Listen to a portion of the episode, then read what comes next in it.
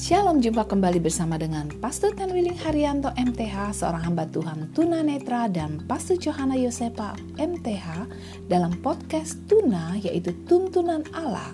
Di dalam podcast ini kami membagi kebenaran dari Alkitab yang merupakan kekuatan di dalam perjalanan hidup sehingga kita berhasil dan beruntung.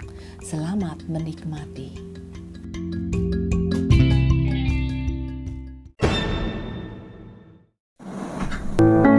Shalom sahabat Welling, Well in God. Jumpa kembali dalam program Tuna Tuntunan Allah pada hari ini. Sebagai tuntunan Allah yang Allah mau katakan kepada kita terambil dalam Mazmur 38 ayat 21. Firman Allah bunyi demikian, "Jangan tinggalkan aku ya Tuhan Allahku." Janganlah jauh daripadaku. Saudaraku, pemazmur percaya bahwa Allah tidak pernah tinggalkan dia.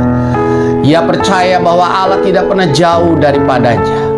Kalau hari ini saudara mungkin mengalami satu kondisi kehidupan, kecewa, sakit hati, dendam, ataupun perasaan-perasaan yang lain, akibat dari saudara ditinggalkan oleh teman baik saudara atau ditinggalkan oleh orang tua saudara atau ditinggalkan oleh anak-anak saudara yang sudah saudara pelihara dan sudah saudara siapkan untuk bisa meneruskan perusahaan saudara untuk bisa melakukan hal-hal yang baik untuk keluarga, untuk orang tua. Namun mereka semua tinggalkan saudara.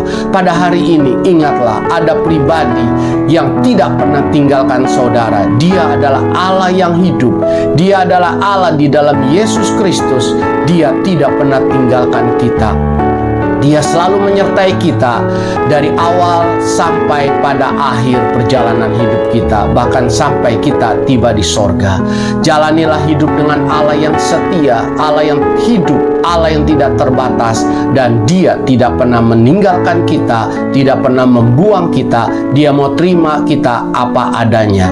Hari ini, Percayalah bahwa Allah tidak pernah tinggalkan engkau apa pun kondisi dan situasi hidupmu. Jika engkau hari ini merasa engkau ditinggalkan orang, saya akan berdoa untuk saudara supaya saudara kuat dalam menjalani kehidupan ini dan tidak menjadi kecewa.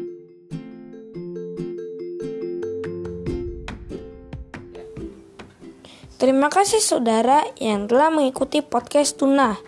Nantikanlah episode berikutnya yang akan membuat kita kuat dalam perjalanan hidup ini, juga berhasil dan beruntung. Tuhan Yesus memberkati.